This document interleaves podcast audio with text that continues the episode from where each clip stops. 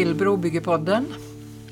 Idag är det Per Westblom och Lena Bergström som samtalar, säger vi väl att Ja, vi gör. Det Ja. brukar ju vara vi, Lena, eller hur? Är det olika? Ja, ibland så har vi någon gäst. Ja, just det. Eh, Så, så lite variation har det varit. Men just nu står du och jag här för att eh, samtala.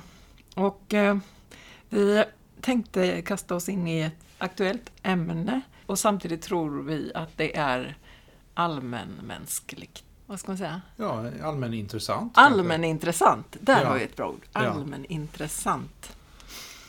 Hur har du det idag? Ska jag säga någonting om Ja, det? men det, det, är, det är bra. Jag har sovit hyggligt. Eh, Det är fortfarande relativt tidigt på morgonen i, i min värld. Men, men eh, det, det är bra. Jag, jag tycker det känns spännande. Vi, vi har ju pratat lite det här innan, du och jag, men nu kastar vi oss ut Ja. i ett, i ett samtal och jag, sitter här och, jag står här och funderar på vad, vad har jag för kompetens att prata om det här?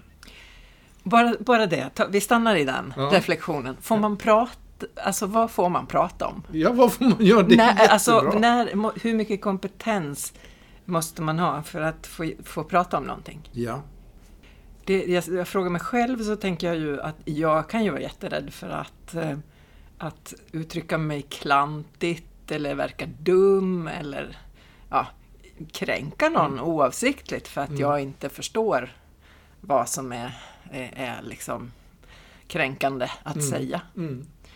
Det är en aspekt av det hela, men, men bedrövligt om det resulterar i att jag håller tyst om sånt som jag egentligen tycker är viktigt. ja precis.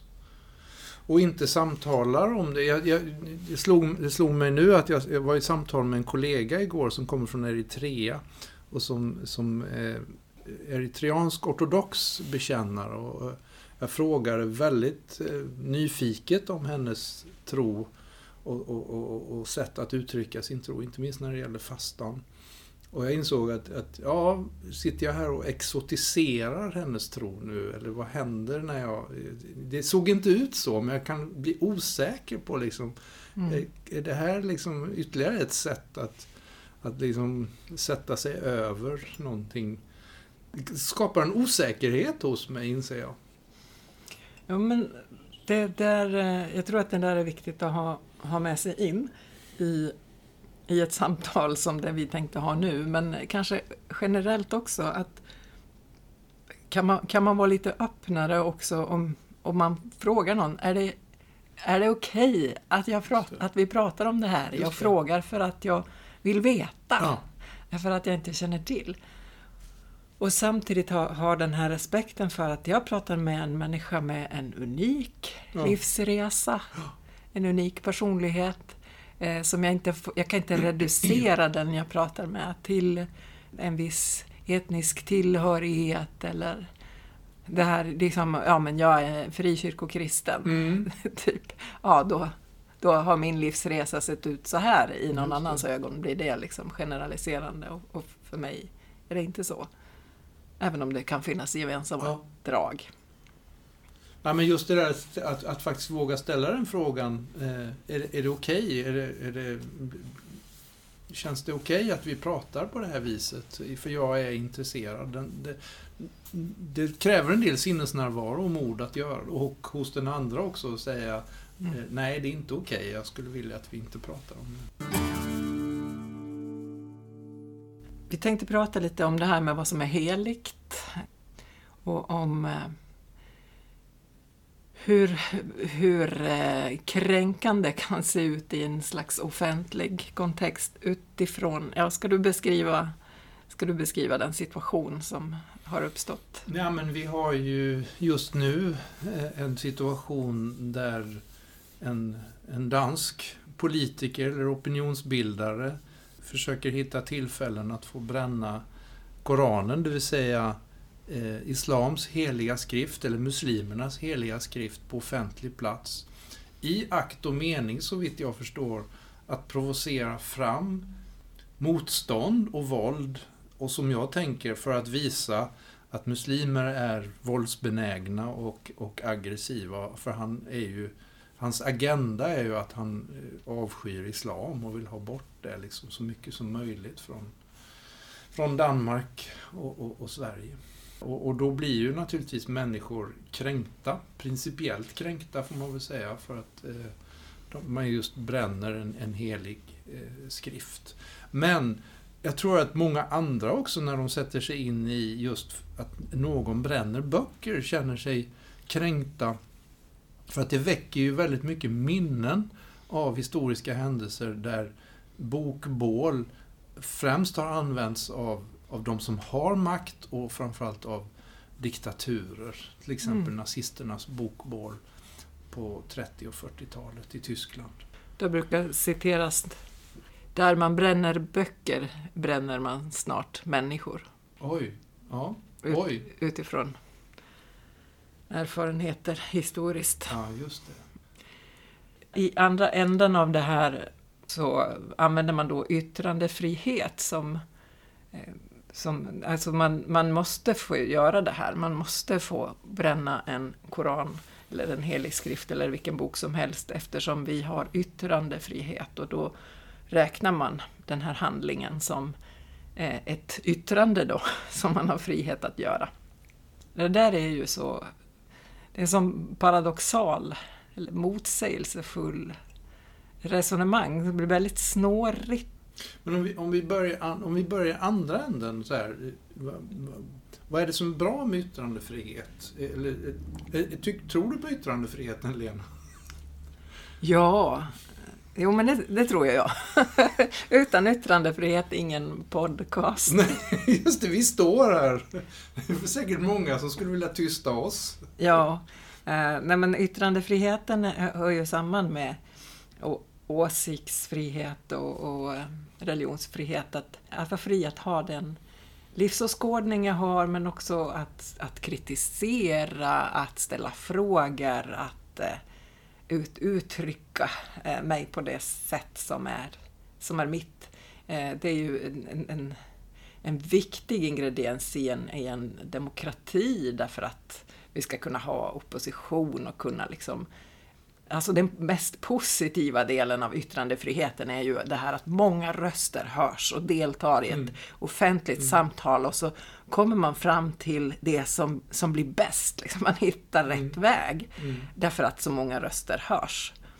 Medan motsatsen är liksom att det finns en, en diktatur där, där man har bestämt vad som är rätt väg oavsett. Eh, och det, vad som än händer så är det här vägen och det, det är den här rösten som gäller. Och, och, det där är ju inte bara liksom en, en, teori utan det är ju jättemånga länder som har det just så. Det är förbjudet att säga vissa saker. Mm.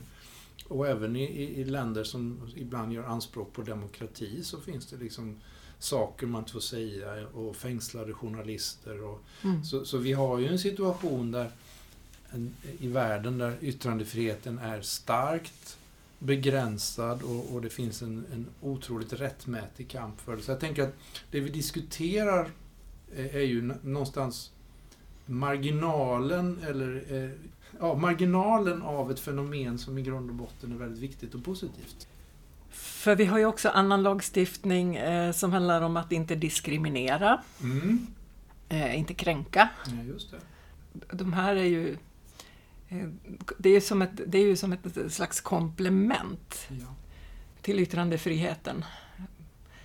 Vi, har hets mot folkgrupp som är en väldigt tydlig lag som innefattar inte bara eh, folkslag och människor med viss sexuell läggning utan faktiskt också de, eh, att man kan eh, en trosbekännelse, en gemensam trosbekännelse räknas också in i, i folkgrupp och hets mot folkgrupp. Mm. Vilket ju på ett sätt tycker jag är ganska förvånande för det är, det är något man väljer. Men inte desto mindre så sätter det ju koranbränningen in i ett perspektiv för det är ju då en, en hets mot folkgrupp. Och vilket är då förbjudet ja, enligt lag? Ja, det är förbjudet. Så ja. det, det, är, det är två Mm. Två lagar, så vi, jag är inte jurist men jag kan inte förstå det på annat sätt än att det är två lagar som står emot varandra. Och, och, när det gör det då brukar man brukar man prata om proportionalitet eller sånt där. Alltså att man, mm. man då, då, då, ska man väga eh, situationen utifrån eh, vilka proportioner, vilka, vilken, vilken, vad, vad väger tyngst liksom, mm. i, i just det här fallet. Nej men du, vi är ju inte jurister, vi är inte experter på just någonting i det här området. Men vi är ju människor, människor av tro. Vi är teologer. Ja. Vi vet någonting om vad helighet är. Det här vem som är kränkt är ju en väldigt subjektiv fråga. Och, och den, även om, om jag förstått saken rätt så är den även det i lagtexten. Alltså det är upplevelsen av att bli kränkt som är ja, viktig för, mm. för tolkningen. Och då är frågan, har du upplevt dig kränkt för att någon har yttrat sig om, om din tro, om, om den kristna tron? Jo, man kan känna att, att eh, just det här när det blir väldigt så generaliserande, eh, så negativt kring att kristna är på ett visst sätt, eller eh, vad, vad innebär det att känna sig kränkt? Liksom, det är ju en fråga i sig. Men, men eller det reagerar jag ju på. Det, jag gillar inte det. så, jag blir... Eh, du tycker inte om det? Nej. Nej. Så är det ju. Ja, men hur skulle det kännas för mig att till exempel någon bränner eh, biblar på, i akt och mening att provocera mm. kristna? Eh, ja, Ja, men det är klart, jag, alltså det, jag skulle uppleva ett väldigt starkt obehag därför att jag också skulle på något sätt känna att min, min livsåskådning är, är ifrågasatt. Mitt mm. sätt att se på världen så mm. tydligt liksom, eh, nedvärderas. Eller, um, mm. Och jag, jag, jag, skulle kunna tänka mig att om jag bodde i ett land där, där min nu, nu, är det väl i och för sig så i Sverige att kristendomen är en minoritetsreligion. Men om det, om det var i ett land där det var till exempel en stark muslimsk kontext och eh, min religion eh, skändades på något sätt, då skulle jag uppleva det mycket mer kränkande och, och, och mm. svårt än jag, skulle, än jag gör det i Sverige. För då, ja, utsattheten är så mycket större. Precis. I, i och med att jag, jag känner mig liksom trygg i, i den religionsfrihet som, som ja. finns. Eh, framförallt den, liksom, hur, hur jag som kristen ändå är eh, en, en tydlig del av kultur och kontext eh, så, så, blir jag ju inte lika hotad som, som i, i länder där vi har eh, hädelselagar eller så som, som gör det. Och, och, för jag, jag har tänkt på ibland att jag, måste, att jag är förmodligen väldigt formad av den här svenska rycka på axlarna-kulturen åt, åt det som är heligt. Och det finns en berättelse i Bibeln om, om Paulus som går omkring i Aten och så ser han alla, som han säger, avgudabilder. Och han blir upprörd i sitt inre. Mm. Och jag tänker den här indignationen som jag förstår att Paulus har, att han liksom... Det är någonting som... Det är inte bara något han tycker, utan han känner med hela sin varelse. Det här, det här är fel. Mm. Varför har inte jag den känslan? För jag är, jag är väldigt tolerant, kan jag uppleva. Mm. Och betyder det i sin tur att jag har missat någonting av det här? Vad som, att uppleva att någonting är så heligt så att jag blir upprörd om det skändas. Mm. Det är en sån här självkritisk fråga jag ställer mm. utifrån min egen, alltså min brist på indignation. Så jag kan lite fascineras av de här muslimerna som blir så, verkar bli så... Ja, det här ni gör, det är verkligen illa och vi, vi blir ledsna, vi blir upprörda, vi blir arga. Mm. Då, då, och då tänker jag så här, vad, vad får mig att känna så? Det är ju väldigt, det liknar ju mycket den känsla jag har inför hur vi behandlar jorden. Som, som ju i, tidig kristen tradition kallas för Guds andra bok. Just. Det finns liksom en, en, en slags helighet. Eh, det är också på något sätt en helig berättelse. Eh, och, och det här väldigt krassa, kyliga förhållningssättet till, till jorden eh, som, som bara en, en resurs, som något som ska kan slitas ut eller skövlas. Det är mer och mer, alltså, det väcker indignation, mm, var ordet. Mm, mm, mm, och det, det blir inte bara liksom en, vad ska man säga, en biologisk fråga för dig, utan det, det är kopplat till din tro. Mm. Ja, men det är det. Det är det, därför att, att jag ju har en tro på att det finns en, en skapare. Även om inte jag är, är det man kallar kreationist och, och, tänker att det här gick på sju dagar och så, så ser jag ju att det finns en, en att Gud har, har eh, satt sitt avtryck och, och eh, är eh, genom, genom sin ande närvarande mm. i, eh, i hela, hela skapelsen. Och, och därmed eh, så finns det, det bör finnas en, en vördnad mm. i min relation till, till skapelsen. Och mm. Kristen tro har ju också anklagats för att ha varit med och dragit bort den där vördnaden eller respekten för skapelsen genom att, att eh, all, all tro på att tillvaron liksom var besjälad av, av förfäders andar eller olika former av animism och sådär. Att, att man gjorde upp med det och så blev naturen bara natur eller ett träd bara ett träd och så. Det kommer ganska sent egentligen, eh, den här mer avförtrollade synen på men, men icke desto mindre Eh, ja, det, det, där är någonting som, som diskuteras teologiskt idag. Mm. Eh. Man, man kanske ska säga att det, det, är särskilt tydligt utifrån en västerländsk protestantisk tro. Ja. Det är inte självklart att det är så i alla kristna traditioner. Nej. Men i den, i den myllan vi står i så har det definitivt blivit så. Mm. Att komma åt det där, vad är det man känner? För jag kan ju känna igen det du säger också när jag ser att en enskild människa blir kränkt, blir eh, liksom trampad på, förolämpad. Mm. Mm. Eh, då väcks ju också den här eh, indignationen eh, som ju också för mig då är kopplad till människ alltså människovärdet och människans okränkbarhet. Så, så, att det finns ju områden där, där som, som för mig åtminstone blir också en form av, av helhetskränkning. Mm. Att kränka någon, det kan ju... Antingen gör vi ju det eh, väldigt medvetet i akt och mening att eh, utsätta en, en människa för alltså att förminska eller förlöjliga. Eller, det, det, är ju, det är ju en variant. Eller så kan vi vara kränkande för att vi tillhör en kultur som alltså, eh, har, har kränkt förlöjligat, förminskat, eh, förnedrat mm. andra människor.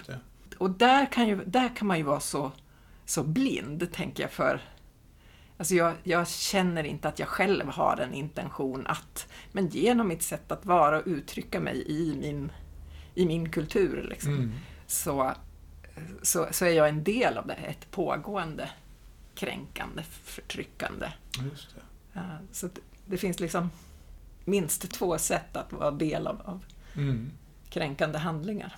Jag, jag, tyck, jag påminns om det där varje gång nu när det aktualiseras vår, vår historiska skuld i relation till det samiska folket. Mm.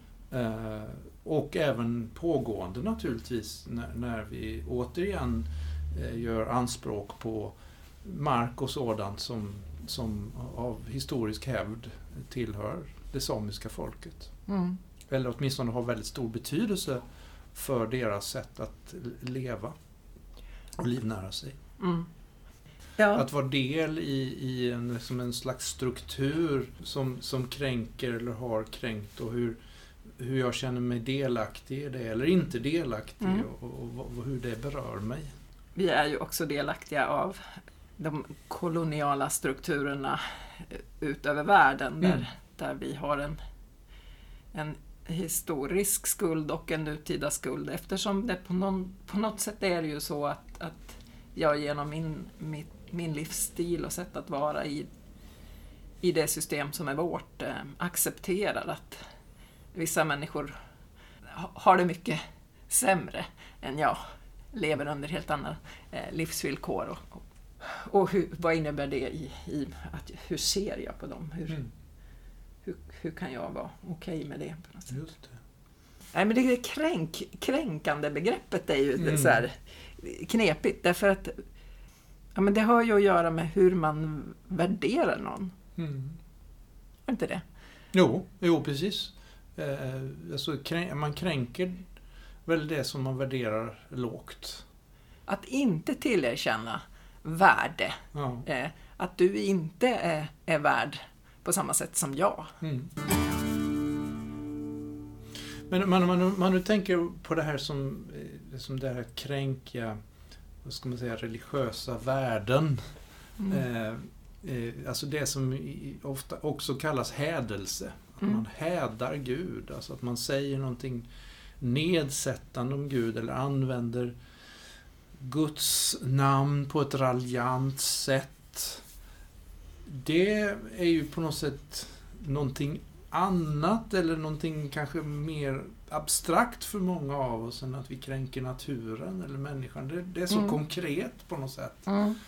Eh, och, och en bok är ju konkret i och för sig, eh, men, men bakom det ligger ju att det här är Guds ord. Ja. Eh, att i, I princip när man bränner en koran för en muslim så bränner man Guds ord. Och det, det blir ju en hädelse. Och, och hädelsebegreppet har ju funnits i svensk lagstiftning. Det, är, det finns i Bibeln. I Gamla Testamentet så är det väldigt allvarligt att, att använda Guds namn på ett, på ett lättsinnigt sätt eller felaktigt sätt. Mm. Eh, och, och Jesus talar ju också om, om, om hädelse. Han säger all hädelse kan bli förlåten utom hädelsen mot anden. Och vad nu det betyder, det har ju teologer funderat på väldigt mycket. Liksom. Mm. Och, och, och där är det så allvarligt så att det går inte att, att, att få någon förlåtelse för. Å ena sidan kan man säga, det är det enda, säger Jesus, som Ja. är oförlåtligt. och- Mm. Vilket ju gör att det blir att, att synder hos Jesus är förlåtliga. Mm. Vilket ju är ett evangelium. Men, men det är klart att då funderar man ju mycket på hädelse mot anden. Ja. Nu precis. Now we're talking. alltså, vad är det där som finns bakom och bortom? Eh, eller som kanske är, är fundamentet. När någon liksom trampar in där Mm. eh, och, och inte, inte visar respekt för tillvarons yttersta grund eller eh, för, för Gud. Mm. Då, där, liksom. Ah, Mm. ehm, delvis kan man ju säga att det har med, det har med Guds bild att göra, Guds Mm. tro och Guds bild. Eh, vad, vad pallar Gud med? Mm. Men, men jag tror också att det har, alltså allt som har med Guds bild att göra har också med människosyn Mm. att göra. Om jag kränker Gud, Mm. Vem blir jag då? Ja, om människan lever i så tydlig opposition eller ställer sig själv över, Mm. förnedrar Gud. Vad, vad är det för en... Vem är jag då? Liksom? Då gör jag mig till Gud, skulle Mm. man väl kunna säga. Eller jag sätter mig över Gud. Vilket ju uppfattas många gånger som någon slags grundsynd hos oss människor. Nej, men alltså, att, att göra det också i en intention. Med en intention att, att kränka Gud, kan man Mm. säga så? Ja. Så är det, vad ska man säga, nu blir det ju muslimerna som får bli exemplet, men det skulle ju lika väl kunna vara någon annan religion. Är, är de kränkta och Guds vägnar, så att säga? Eller är det en kränkning av deras, deras egen tro? Eh, för mig blir det lite skillnad ändå. Eh, att man så att säga försöker skydda Gud, eller är det är mig själv jag, jag ytterst sett vär, värjer mig emot att jag ska bli kränkt. Och då tror ju jag att det finns inte ett svar. Hur man då, alltså det finns de som verkligen agerar utifrån sin egen, i, i sin e, egen sak. Mm. Och de som på, på, med stort allvar vill respektera och, och försvara Gud. Mm. Så, så att det går liksom inte egentligen att, att, generalisera det. Och, och, och jag tror inte alltid att man själv vet heller. Mm. Men det, det här är ju så tydligt också någonting som kan användas då i, i politiska syften eller för att få egen makt eller Mm.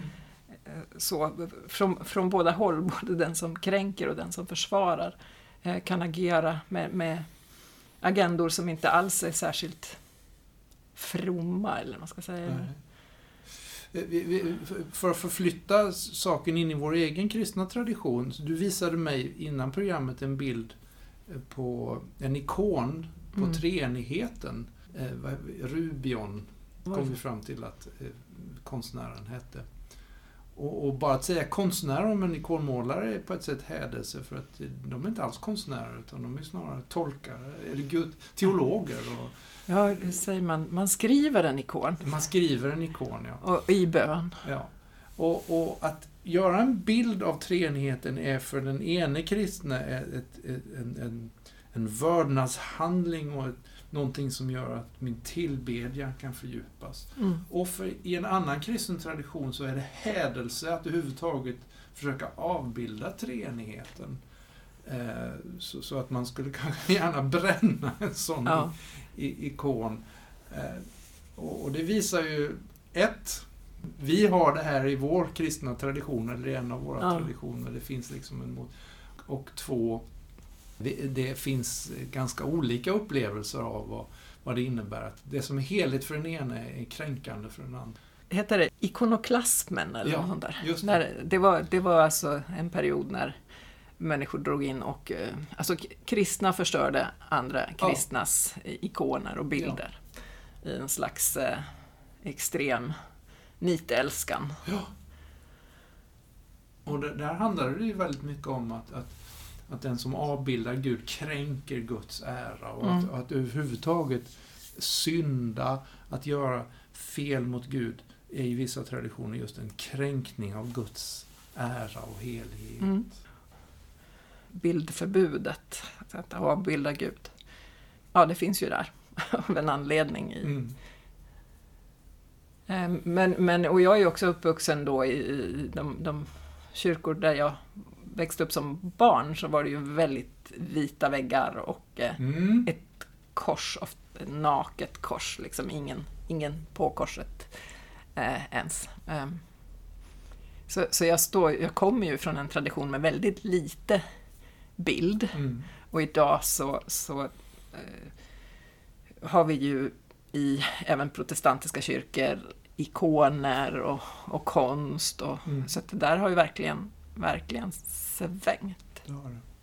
Kanske därför att vi i en tillvaro som är så full av bilder behöver någon slags bilder eh, som hjälper oss att tro. Mm. Vi kommer in, eller jag kommer att tänka på ett ämne som, som tangerar det här och det är ju liksom religiös tro och humor. Ja, Alltså, får man skoja om Gud? Får man skoja om tron? Eh, skämta, är det, är det en kränkning? Är det hädelse?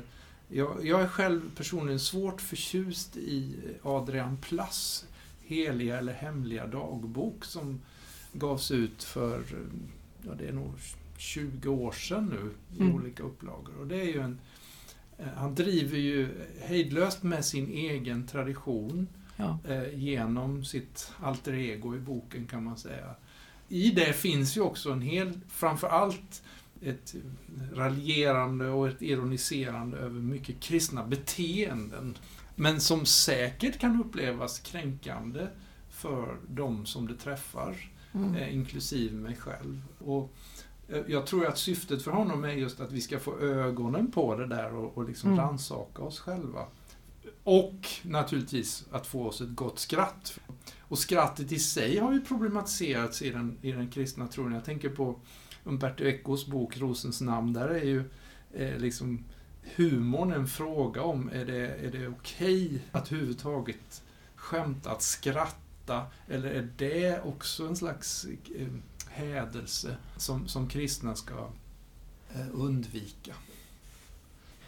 Alltså jag tror inte att Gud är lätt kränkt. Så. Nej, nej. ja, det är ju min gudsbild. Ja, så. ja. Och sitter och kollar, vänta nu. nu sa den där si och nu sa han så. Nej, det, det tror jag ju inte. Jag tror mer att eh, humor är en viktig del för att kunna ha självdistans. Det är en Mm. bra, alltså också man tänker yttrandefriheten och det här att humorn humorn hjälper oss att få syn på saker med lite distans och garva. Framförallt ska vi kunna garva åt oss själva. För då, då, då får, det skapar just den här distansen eh, där vi med, med ett leende ser på vad vi håller på med och så Mm. tänker vi, men, nej, men vänta nu, det där kanske inte är så bra. Ja. Eller, liksom, ja, eller så har vi bara roligt. Eh, men humor har ju definitivt en, en funktion och den tror jag också är, är viktig i, i trons värld. Mm. så. Mm. inte tidningen då. eh, Men Ja, nu, nu, nu fattar jag också. Ska vi, ska vi förtydliga? Trons värld, alltså en tidning. Ja. Jag, jag tror ju också att, att, man, att man kan må bra av, av eh, att se att det finns humor i, i bibeltexter, i... Humor kan vara väldigt avväpnande och bra. Men eftersom humor ofta rör sig... Humor har utvecklats väldigt mycket till att, att eh, det blir roligt när man går över gränser.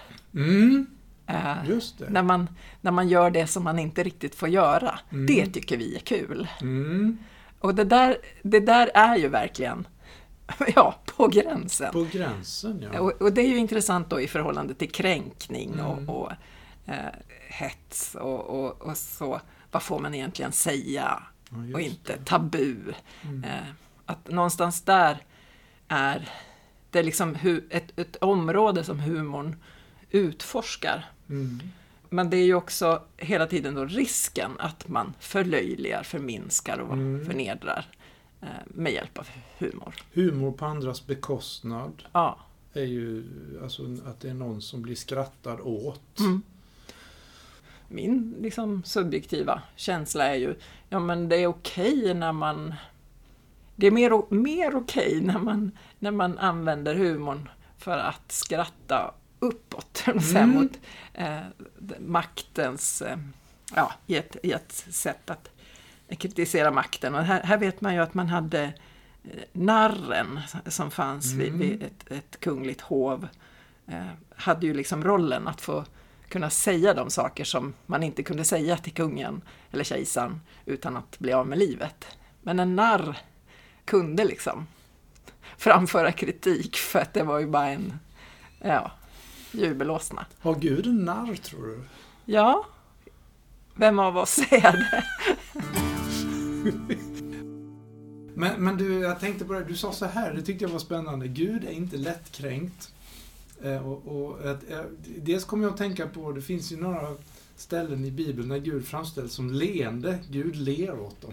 Och det är liksom så här, ja, ja, Mm. håll på ni. Mm. Det, det, det stör inte mig. Nej. Jag, jag vet vem jag är och jag, jag, har, jag har koll. Eh, Men, men lättkränkthet är ju samtidigt idag ett av de, säger ju många forskare, det stora problemet när det gäller gängkriminalitet. Alltså att, att, eh, att unga män är så lättkränkta och att hedern, att kränka någons heder, det är något heligt och för det ska du dö. Det här är ju superintressant. Därför att, vad är det som är lättkränkt? Alltså makten. Den Mm. som har makt, eller har tagit sig makt, är ofta lättkränkt. Mm. Och utifrån att man är, är så rädd att förlora sin makt. Eller att, att den är... Man har liksom, man upp, upplever sin makt som... Det är en, den är, det är en sån eh, viktig del av, av vem jag är. Mm. Och jag har gjort mig lite större än, än jag är. Mm. Så det, det finns ganska mycket yta runt mig där folk kan råka kliva för långt. Mm. Därför att jag har liksom utvidgat mig, mitt ego, på ett sätt som gör att folk behöver inte tassa så hemskt nära för att jag ska bli kränkt. Ja, just det. Om man tänker en människa med, som mer är i sig själv och i, i, ett mer ödmjukt förhållande till omvärlden, så går det att komma närmare innan, innan kränkningen uppstår. Precis.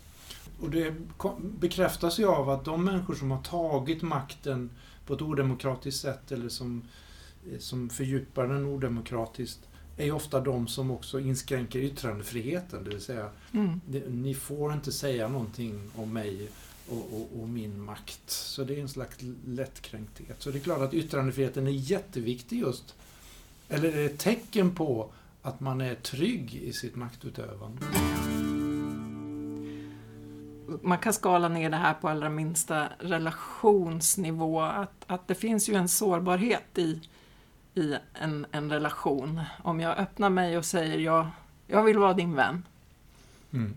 Så är jag ju sårbar inför dig om jag, när jag uttrycker det. Ja, verkligen. För, för du kan säga nej.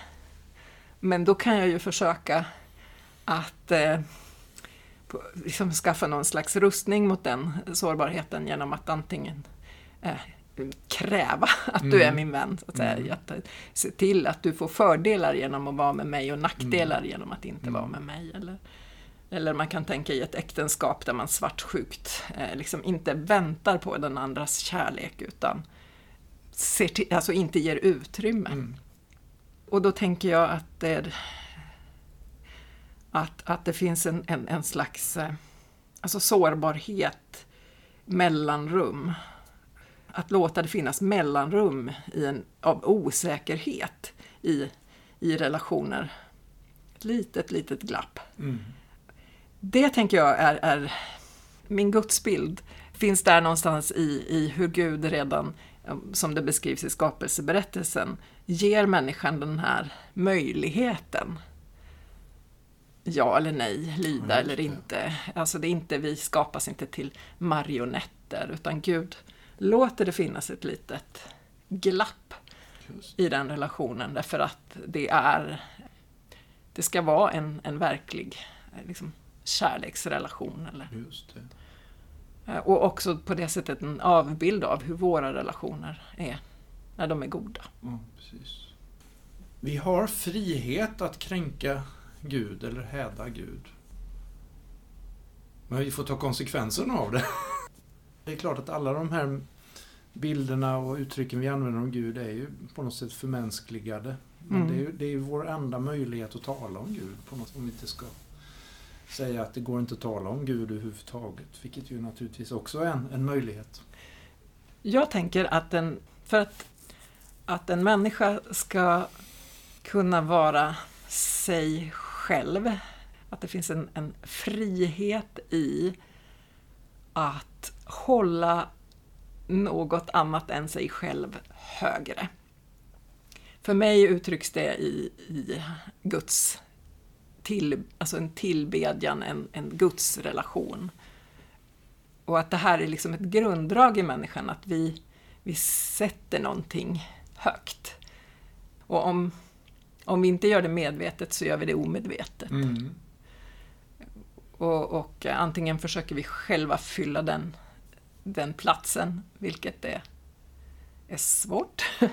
Eller så, så sätter vi, dyrkar vi nationen eller mm. fotbollslaget eller ett intresse, alltså någonting. Vi riktar oss mot någonting. Och, och det har väl varit en, en ganska vanlig även om man kanske också har trott på Gud så har nationen just varit en, en sån där något högre som jag, som jag vördar och som jag till och med är beredd att dö för. Alltså jag, jag ger mig ut i krig, inte för att försvara mig själv utan för, för min nation. Och då kommer vi till, till den här, det här att, att man samtidigt då verkar kunna säga absolut bränn Koranen, nej absolut inte, bränn inte svenska flaggan. Mm. Och då säger vi ju att det finns någonting som är heligt. Och, och det är snarare nationen då, mm.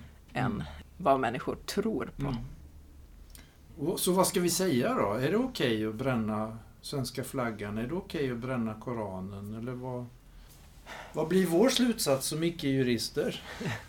ja, precis. Ja, men det var, vi, vi tyckte ju om eh, pratade här om, om att i Finland är det, så man bränner inte saker på offentlig plats Nej. oavsett vad det är. Ja. Det är en ganska eh, finurligt sätt att ta sig ur den här knipan. Ja. Eh, men jag tänker då att vi mår bra att ha respekt för, för symboler ja. eh, som, som är viktiga och, och eh, men för mig kanske, ja, jag vet inte. Jag har ju lättare... Jag funderar vad jag känner ut. Mm, Så mm. Vad känner jag inför... Det är klart att jag tycker också det känns konstigt att, att bränna svenska flaggan. För varför, varför då? Ja, Liksom? för då, ja. Ja, varför då? Ja. Eh, och då, och då, då känner jag eh, ett obehag inför, inför en handling som ju, den måste ju vara avsedd att kränka eh, eller skada eller Ja. hota. Ja. Eh, så, och det finns ju i båda de här fallen. Eh, så så att, eh, därför så skapar de ett starkt obehag i mig, båda två. Jag tycker ju, alltså den typen av, av nationalism som, som ställer en, en, en flagga eller nationen så tydligt över andra människors eh, värde och, och rättigheter, det... Nej. Nej, nej och, och precis. Och det, det, så tycker du och sen tycker någon annan något annat. Och, och, Mm. och så, det, så min preliminära bedömning blir nog, jag, jag tror inte att ett förbud mot att bränna sådana symboler skadar yttrandefriheten. Däremot så tror jag att, det är väldigt, att yttrandefriheten riskerar att skadas om vi inte bryr oss om den typen av upplevda kränkningar. Mm. Alltså det tillför inget till varken demokratin eller yttrandefriheten att, att, att bränna. Eh, för, det skap, för demokrati, tänker jag, det måste ju vara det som i grund och botten är liksom kärnvärdet. Det bygger ju på ömsesidig respekt, det bygger på dialog, det bygger på förståelse, det bygger på att liksom kunna sätta sig in i den andra situation. Och ingenting av det finns i eh, att, att bränna det som någon annan håller för högt. Så jag tänker att det, det är antidemokratiskt i grund och botten. Ja. Vi behöver opposition och att vi ifrågasätter varandra, men det vi måste också kunna, kunna göra det och sträva efter att göra det på ett sätt som, som gör att vi kommer vidare. Det, det, ja, nej, det här är inte lätt och det kommer jag alltid, alltså de här typen av konflikter kommer alltid att finnas tror jag. I, tills det stora eh, utop, utopiska Mm. shalom-riket eh, som vi, vi ändå hoppas på. Men det, det, det, jag, det jag hör oss stå och säga nu det är ju att eh, vi säger Ja, du har rätt Erdogan. Vi, vi gör fel. Mm. Eh, Och någonstans så känner jag att den sidan vill jag inte hamna på. Och, och det är klart att det finns ju många frågor under just detta som handlar om till exempel NATO-anslutning och, Mm. och, och annat. Och, och det är så, för mig så uppenbart att det är en regim som just kränker Mm. mänskliga rättigheter och det som för mig är, är, är viktigt. Men Absolut. jag hamnar ju ofelbart på den sidan. inser Ja. jag. ja, precis. Men det måste finnas eh, bättre sätt ja, att kritisera. Det är så tydligt avsiktligt att man, att man provocerar och, och förvärrar en konflikt. Ja. Snarare än hjälper till att finna en väg framåt. Ja, men nej, vi, vi får ju leva med den här typen av, av provokationer, det tror jag. Mm. Det här med att vara, att vara lättkränkt. När man säger så om någon Mm. så, så är ju det kränkande i sig. Ja. ja, det är det. Ja, det är ju så här, åh, jag är så... Ja, förlåt. Eller man säger kanske inte ens förlåt. Ja, vad synd att du tog så illa vid Ja, jag, precis. det jag sa. Och så lägger man allt hos den, den andra. Och, och, Eller, eller vad, vad lättkränkt du är, liksom, Ja. helt enkelt. Som, som en slags eh, nedlåtande avhyvling. det finns väldigt få historiska exempel, tror jag, på att bränna böcker har varit det som har fört demokratin framåt. Eh, Kan du komma på något? Nej, men jag är ju inte historiker. Du, det- finns en bok som heter Fahrenheit 491 eller något sånt där tror jag. Eh, och jag borde vara mer påläst nu men det slår, det slår mig. Men alltså det är den temperatur med vi, vid vilken papper brinner. Ah, Och, och det är alltså en bok om just eh, en, en, en sån här framtidsdystopi där man bränner, böcker är förbjudna. Men jag tänker överhuvudtaget att bakom allt detta ligger ju också en, en tanke om, och föreställning om att böcker är farliga. Eh, och det är ju sant. Ja. Alltså böcker har en, en väldig kraft och spridningseffekt och efter boktryckarkonsten så har eh, budskap kunnat spridas och, och nu gör det naturligtvis ännu mer genom, genom internet men det, det skrivna ordet eh, har betydelse och effekt. Så bakom det här ligger ju en tilltro någonstans också till, till bokens eh, och det skrivna ordets makt. På gott och ont. Mm. Ja, det här är ju ett helt eget samtal kanske. Ja. Med, med bokens eh, potential. För det är ju så, just att det skrivna språket och, och kanske nu också det, det, talade via internet får en enorm spridning och idéer kan föras vidare på ett helt annat sätt idag. Mm. Än någonsin tidigare. Du nämnde Gutenberg, men jag nämner internet. Mm, mm. Jo, men det är ju det, ännu mycket mer spridande. Så, och, och, det är ju därför människor över hela världen nu vet att det brändes en koran i, i Stockholm. Just det. Att vi har de här möjligheterna att låta ordet, eh, tankar, idéer färdas snabbt över hela jorden eh, gör ju att vi delvis är i ett annat samhälle än, än någonsin tidigare. Och också kan man tänka då, gör idéer, böcker, tankar farligare då? Eller? Ja. ja. Och då är vi tillbaka i Edens lustgård med kunskapens träd på gott och ont. Oj, vad spännande. Ja, om, om just eh, kunskap är någonting som är både en välsignelse och förbannelse. Men det låter som ett helt eget tema. Jag, jag kommer att tänka på en gudstjänst jag hade i, i, min, i min förra församling. Och det var ett önskemål att man skulle få ta sina gamla biblar till en gudstjänst och så skulle församlingen ta hand om dem. Göra sig av med dem, kanske begrava dem. Det här att själv förstöra en bibel, det var för svårt. Ja. Även om man inte använde den, även om den var liksom för gammal, så var just detta att kanske bränna den eller mm. slänga den i soporna, mm. det bar emot. Och det tycker jag var väldigt intressant att då, då, då, finns det en identifikation med den känslan att man gör inte vad som helst med en helig skrift. Mm. Jag tänker också på här, det här rummet i synagogan där man lägger skriftrullar som inte längre kan användas. Man bränner dem inte utan det finns ett eget rum. Så vördandet av den heliga skrift tror jag är väldigt generellt. Då blir det liksom också det här, vi lever i ett konsumtionssamhälle där många av oss inte har en bibel. Nej.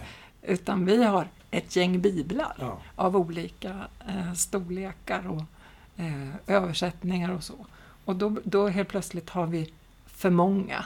Eller så, så tänk hur saker hör, hör ihop. Hur svårt det blir att hålla någonting för heligt i ett, i ett konsumtionssamhälle. Ja, just det. Att där, eh, så det kanske ytterst också hör, hör samman med, med eh, varför vi i vårt land har, eh, in, inte längre tänker att saker är heliga. Därför att det blir så krångligt.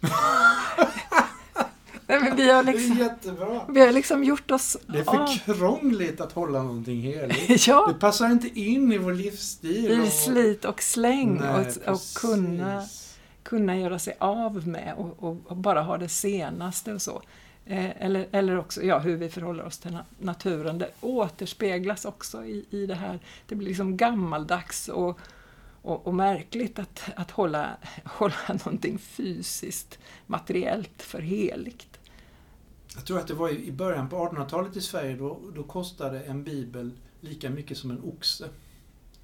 Och, och, jag menar, det var kanske någonting som man fick spara till eh, och, och välja mellan oxen och, och Bibeln. Men mm. om du då ändå gjorde det, det är klart att hur värdefull var den inte för dig i så fall? Mm. Ja, verkligen. Man kan tycka, hålla på och prata om livsåskådning och gudsbild och människosyn och ja men hallå, jag bara lever.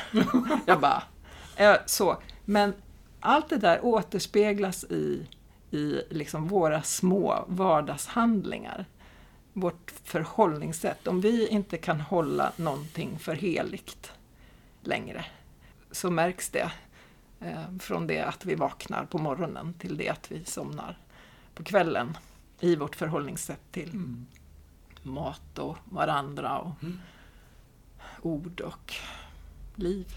Precis jag tror att, att när vi inte håller annat för heligt så devalverar vi oss själva. Och eh, därav självförakt och, och därav självhävdelse. Att det heliga, att tillbe något, också ger mig ett värde. Bra där. Mm. Eh, men du, tack för ett gott samtal. Tack så jättemycket.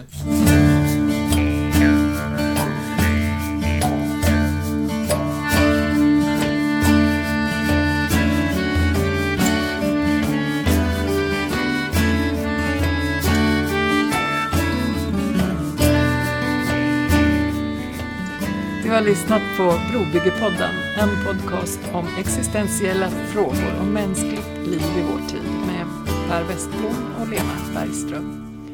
Om du vill kan du följa Brobyggepodden på Instagram, att Brobyggepodden.